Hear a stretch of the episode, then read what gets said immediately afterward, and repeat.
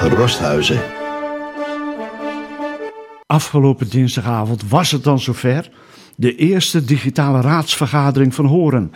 Net als bij de leiders van de Europese landen, vanuit veilige plekken die ruimer van elkaar af lagen dan de voor de gewone meebrulburger als veel te ver ervaren anderhalve meter. Het zoeken naar de juiste vorm kenmerkte dit soms vermakelijke overleg. Maar even zo goed was er ruimte voor oude waarden als kritiek hebben op beleid en elkaar, als mede de wens om mede- en tegenstanders te vinden voor standpunten.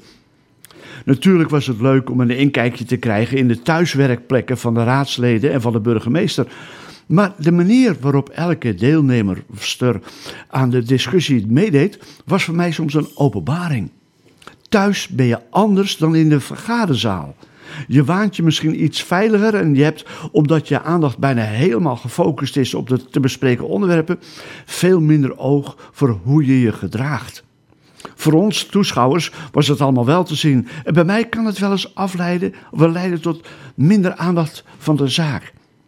Wat bij alle sprekers die langskwamen te zien was, betreft uh, uh, het aankijken van de luisteraar, of juist niet. Wat in een gewone wereld begrepen zou kunnen worden als ontwijkende blikken, werd hier veroorzaakt door één reden. Wanneer men op het beeldscherm naar zichzelf of de persoon in beeld kijkt, dan kijk je niet in de lens.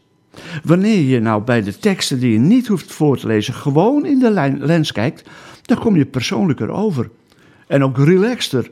Hoewel dat bij Chris de Meij, die zich gemakkelijk op de bank, bank gevestigd had, iets te ontspannen uitzag. Misschien dat hij een beetje lekker onderuit gezakt zat met de handen op de buik. Zet het beeldscherm op ooghoogte. Bij Guido Beukers was het duidelijk dat het beeldscherm waarop de collega-bestuurders verschenen een eind boven zijn hoofd hing. Dingen zeggen met de blik naar boven geheven zie je vaak verbeeld in oude schilderijen van heiligen die zich tot de Allerhoogste richten. Maar Guido sprak ons aan, mag ik hopen.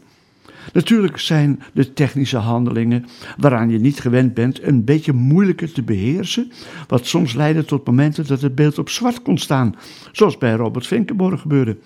Of dat griffier Menno Horjus even moest melden dat de verbinding met Nico Oudshoorn weg was.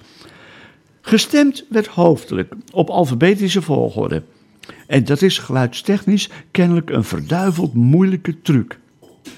Een aantal stemmers slaagde er niet in bij de eerste oproep te zeggen dat ze voor of tegen waren. Bij anderen hoorde je alleen de twee laatste woorden van de zin: Ik ben tegen het amendement omdat op vijf stemmen na iedereen tegen het amendement was, ging de griffier, om een hoop tijd en gepriek met knopjes te vermijden, ervan uit dat wie tegen het amendement was, voor het collegevoorstel was.